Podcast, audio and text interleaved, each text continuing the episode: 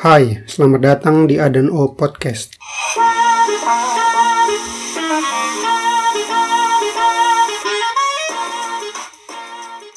Saya masih mengingat pertama kali tulisan saya diterbitkan oleh media nasional Indonesia.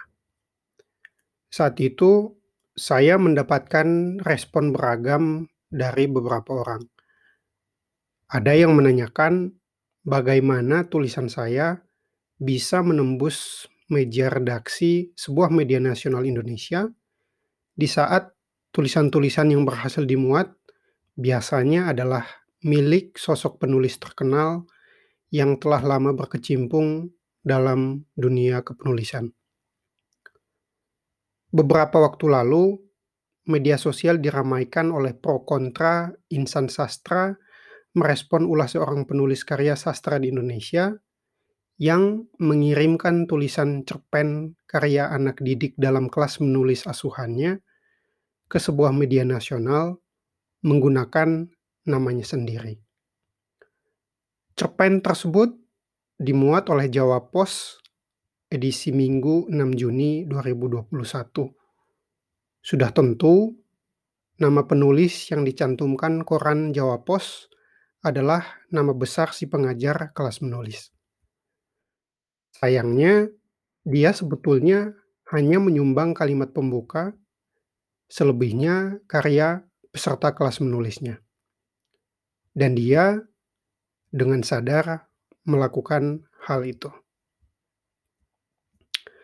Lantas, apa yang ingin dibuktikan oleh penulis itu? Apakah dia ingin membuktikan kepada peserta kelas menulisnya bahwa sebagus apa pun karyamu, cerita pendek itu dimuat karena ada nama besar dia di situ, ataukah dia ingin membuktikan kepada redaktur Jawa Pos bahwa karya itu memang benar dimuat karena yang mengirim adalah dia, seorang penulis terkenal yang telah malang melintang dalam dunia sastra dan menghasilkan banyak karya. Singkatnya, apa motif penulis tersebut melakukan hal itu? Dalam pengakuannya kepada peserta kelas menulis yang diasuhnya, ia menyampaikan kalimat bernada seperti ini. Jika cerpen kalian saya kirim ke koran dengan nama saya sebagai penulisnya, cerpen itu pasti dimuat. Untuk membuktikan ucapannya itu, dia lantas membuat sebuah paragraf pembuka dan meminta peserta kelas menulis melanjutkannya menjadi sebuah cerpen utuh. Hasil cerpen dari murid yang paling cepat menyelesaikannya kemudian diedit oleh si penulis dan dikirimkan ke Jawa Pos menggunakan namanya sendiri.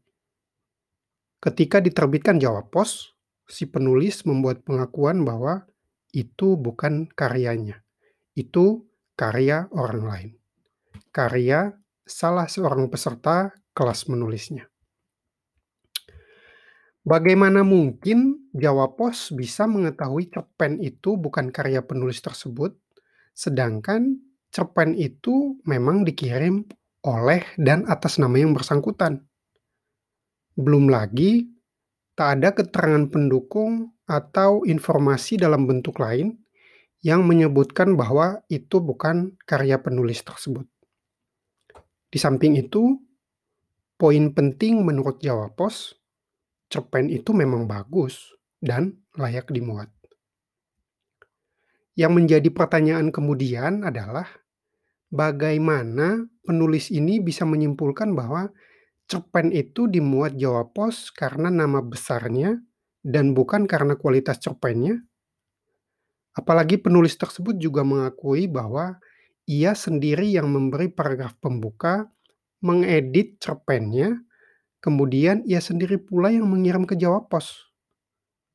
Bahkan dia sendiri pun mengakui kualitas cerpen tersebut. Lalu, apa sebenarnya yang ingin ia buktikan? Maka kemudian tak salah juga jika Jawa Pos menuduh penulis dengan nama besar tersebut telah melakukan sebuah tindakan plagiarisme yang berujung pada pencabutan publikasi cerpen berjudul Bidadari Bunga Sepatu itu. Namun, apakah penulis tersebut memang ingin melakukan plagiarisme? Saya yakin sepenuhnya bahwa ia tak berniat melakukan itu. Dia tidak lain hanya ingin membuat sebuah kegaduhan, kehebohan, tidak lebih.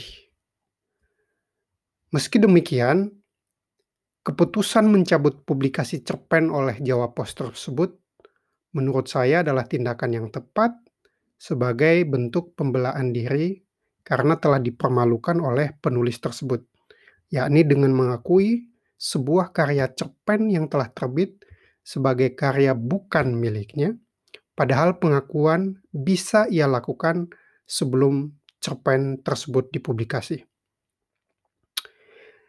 Rasanya tak elok seorang penulis dengan nama besar melakukan hal serendah itu. Mengelabui sebuah media besar nasional tanpa menghasilkan kesimpulan apa pun yang bisa dipertanggungjawabkan. Terima kasih telah menyimak episode ke-21 Adan O Podcast hingga selesai.